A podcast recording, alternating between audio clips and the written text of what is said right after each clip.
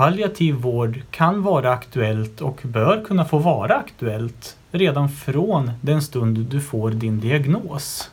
Så det kan vara många år.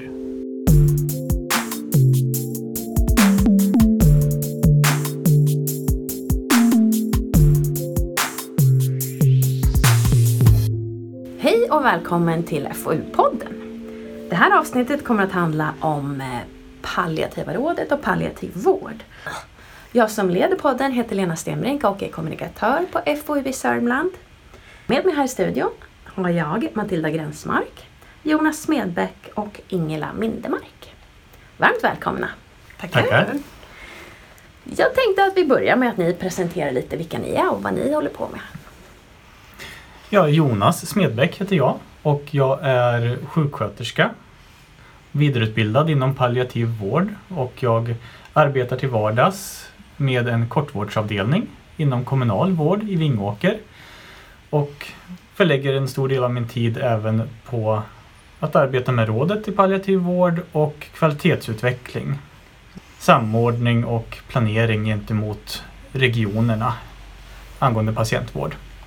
Mm, Ingela Myndemark heter jag, medicinskt ansvarig sjuksköterska i Oxelösunds kommun. Jag har varit med i palliativa rådet en längre tid.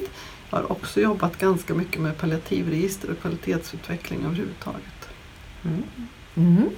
Och Matilda Gränsmark heter jag och är ju utvecklingsledare här på FoU. Och processleder palliativa rådet eh, sedan i december förra året, så ett halvår ungefär. Och jag ska också nämna att rådet leds ju av vår ordförande Annika Karlsson som är läkare eh, vid SSIH i Strängnäs. Mm. Ja, då kanske det inte är alla som vet vad palliativ vård är. Så kan ni berätta. Ja, ehm, palliativ vård är ju helt enkelt en heltäckande vård med syfte att uppfylla de behov som en patient har efter det att du har blivit diagnostiserad av livshotande skada eller sjukdom som du förr eller senare faktiskt kommer att dö av. Och eh, det handlar om att se till de fysiska, psykiska, sociala och existentiella behoven som en person må ha.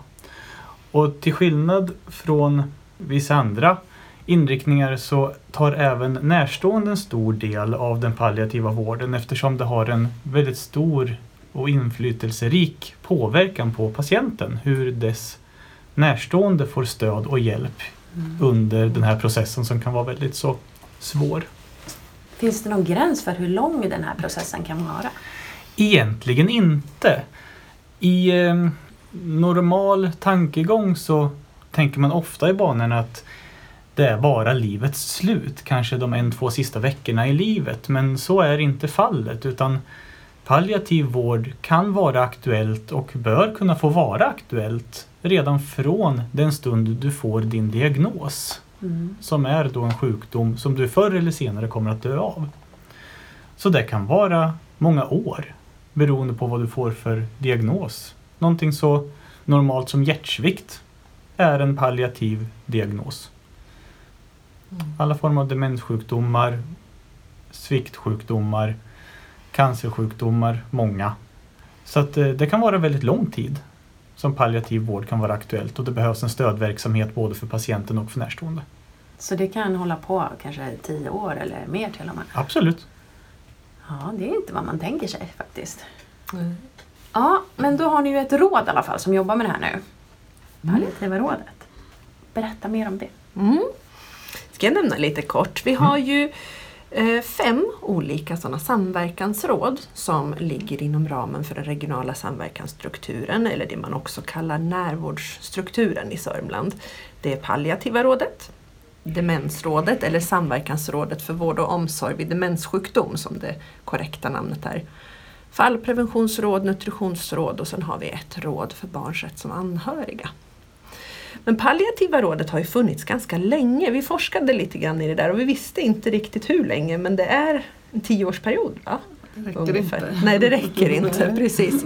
Så att ingen som idag är med i rådet har riktigt varit med från start. Jo, jag har det. Du har från jag allra jag har första med start? Från allra första början. Men jag kan inte säga vilket år det var. Nej. Jag kommer inte ihåg.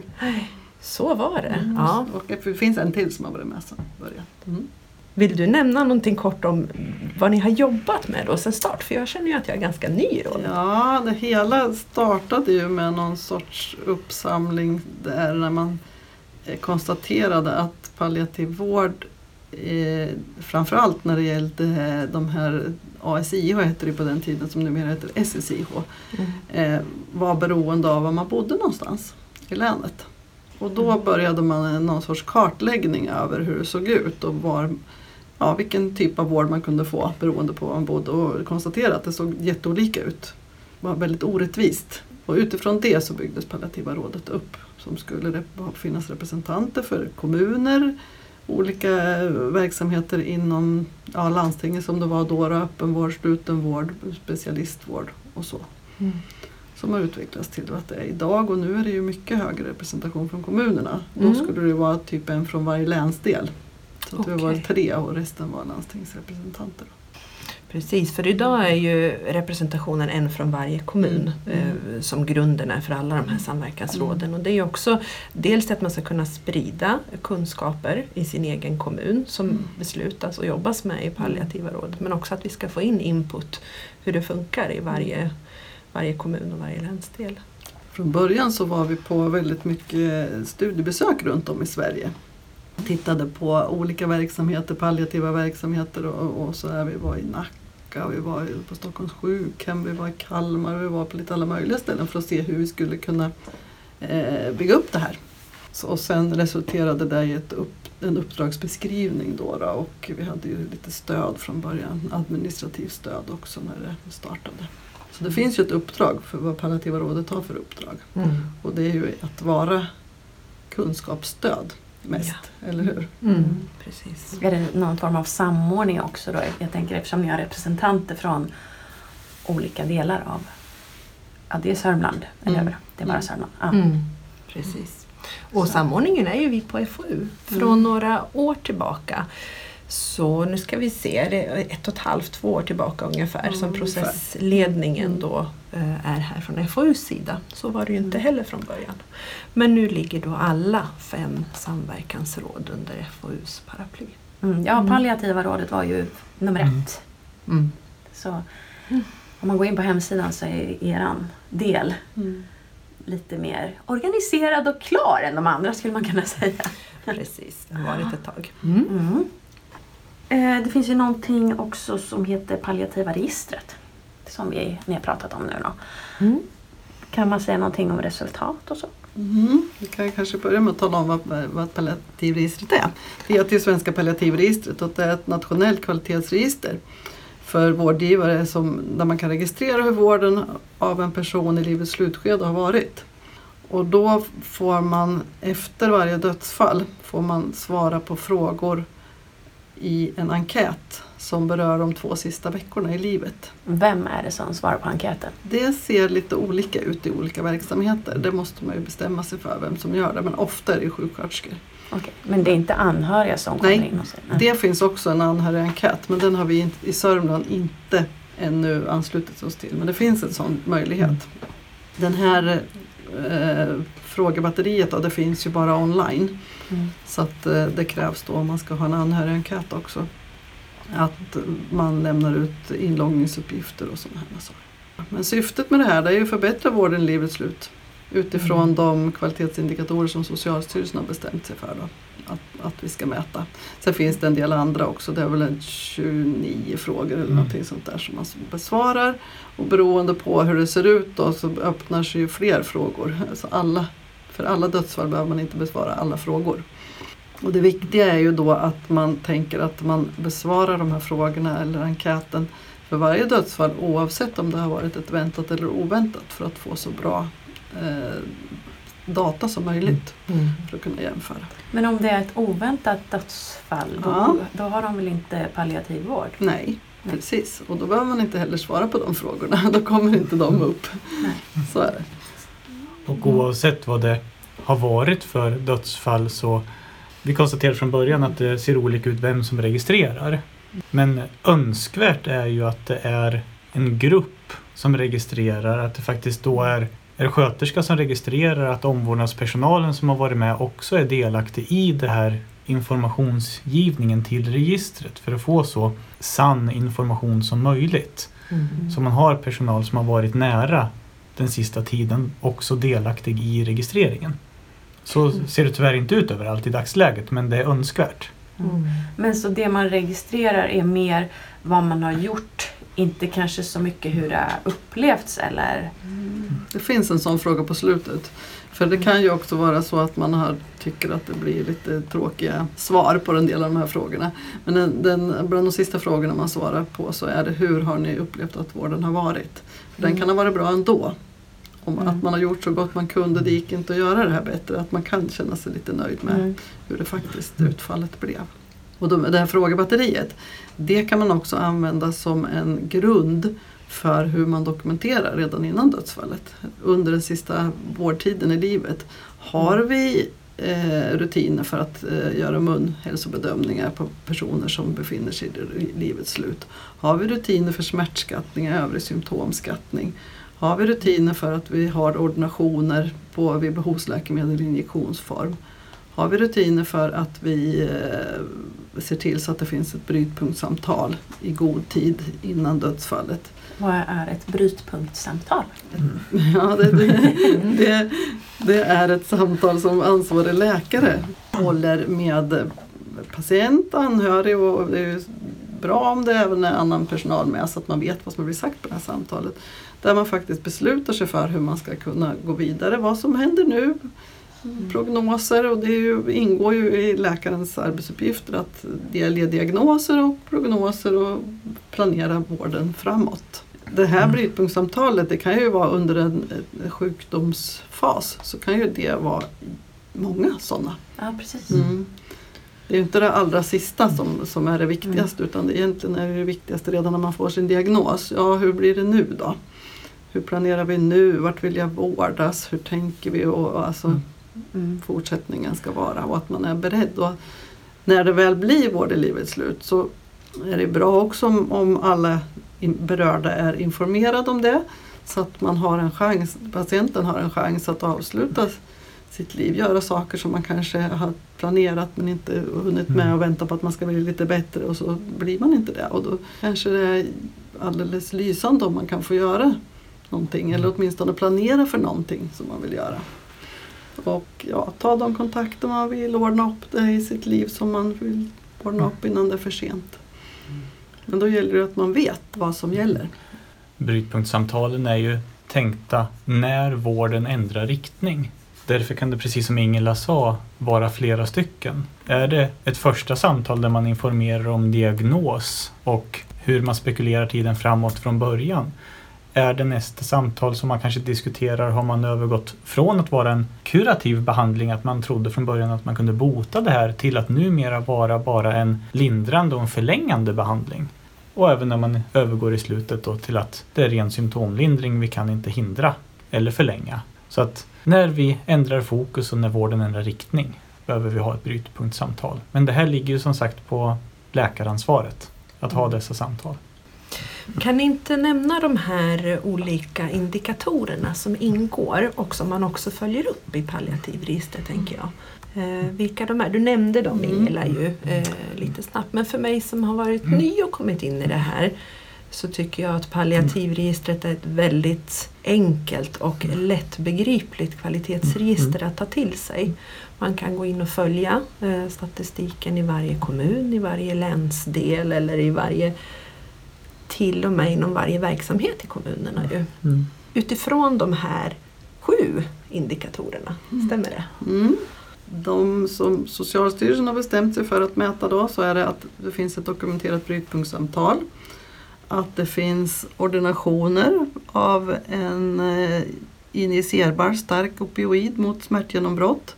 Att det finns ordination av ångestdämpande injicerbart läkemedel. Att man har smärtskattat sista levnadsveckan. Att man har haft en dokumenterad munhälsobedömning sista levnadsveckan. Att man, personen som eh, avled inte hade trycksår av grad 2 till 4. Att det fanns en mänsklig närvaro i dödsögonblicket. På de här kvalitetsindikatorerna har man ju satt olika målvärden. Då. En hel hög av dem har ju 100% som målvärde men inte mänsklig närvaro, inte trycksår och inte munhälsobedömning. Därför att människor har ju rätt att tacka nej till våra åtgärder också. Eh, Jag Mm. tänker, jag menar munhälsobedömning. Vad är Ja. poängen med det om det liksom är en dag kvar?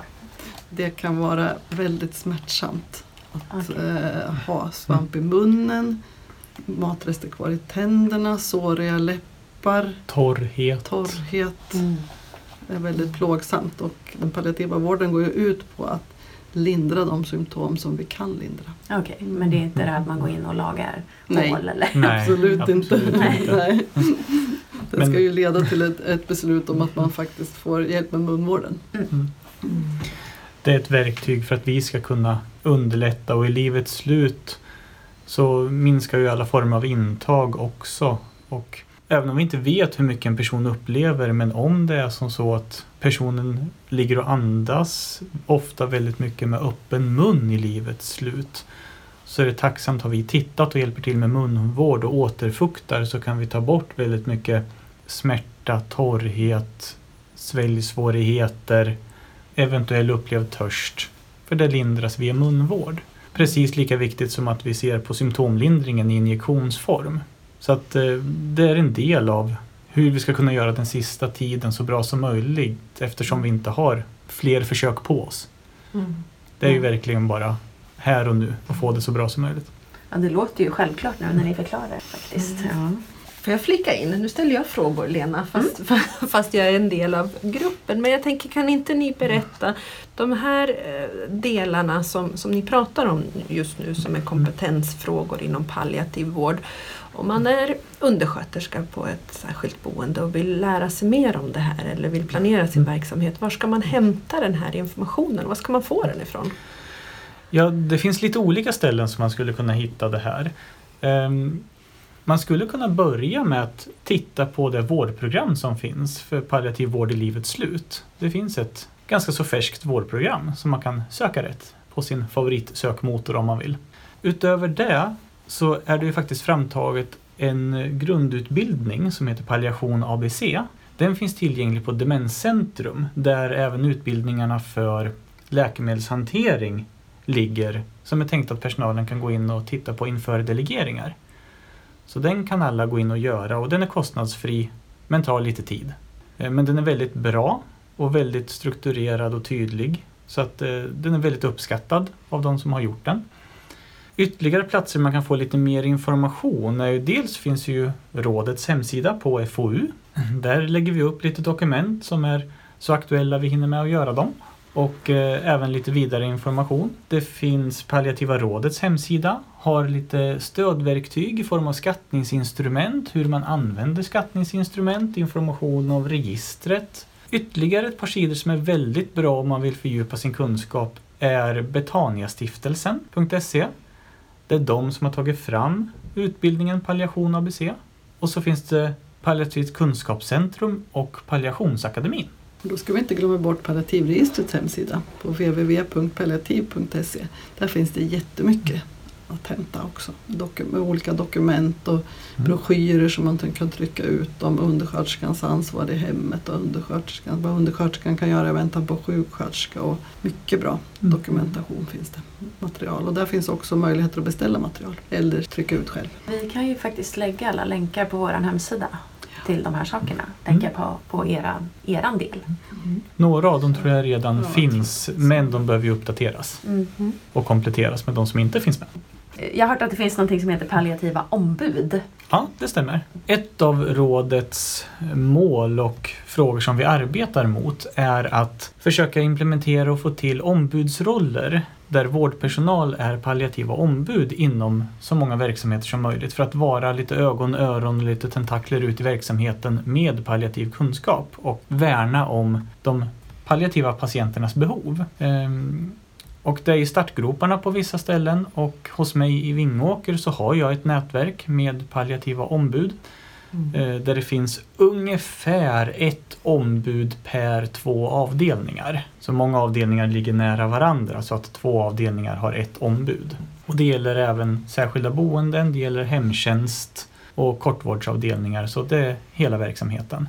Och de här ombuden är ju då valda och representerar sina områden utefter att de själva har ett genuint intresse. De har gått där palliation ABC och även varit med på flera tidigare utbildningar.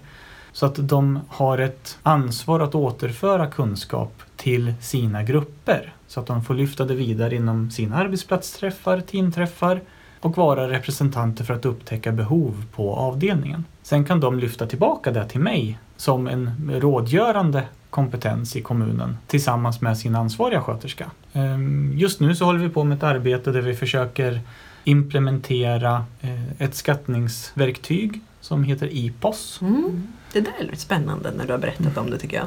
Så det arbetar vi Mm. med just nu och det är ju ett bedömningshjälpmedel som patienten själv kan fylla i, personal kan vara medhjälpande eller som kan fyllas i av bara personal om inte patienten är ja, kognitivt medveten, kommunikativ överhuvudtaget. Där man faktiskt då gör en enkel skattning utefter de upplevda symptom och besvär patienten har. Så att man dels får en skattning av symptom och dels får en prioritering utifrån vad besvärar mig mest nu. Och där det även inkluderas frågor gällande behövd information. Har jag fått det jag behöver? Har mina närstående upplevt oro? Har de fått information som behövs? Så att du får en snabb överblick kring väldigt mycket för planering för den fortsatta palliativa vården. Har haft väldigt gott utfall än så länge, även om vi är i startgroparna. Och det där tycker jag är så intressant när du beskriver det när man har ett bedömningsinstrument där man först skattar symptom och sen får personen själv göra en prioritering av vad det är man tycker är viktigt att jobba vidare med eller fokusera. Det blir ju ett ytterligare steg mot personcentreringen och verkligen, verkligen få en förståelse över Mm. vad som är viktigt för den här individen. För olika personer upplever olika symptom olika. Ja, även om vi lite slentrianmässigt många gånger kanske Mm. har inställningen att om det är smärta vi alltid ska fokusera på först så kanske det inte är det som är viktigast för den här personen. Nej. Även om det är så i de flesta fall. Mm. Vad skulle det kunna vara annat än smärta då? Det skulle kunna vara andnöd eller illamående eller ensamhet. Mm.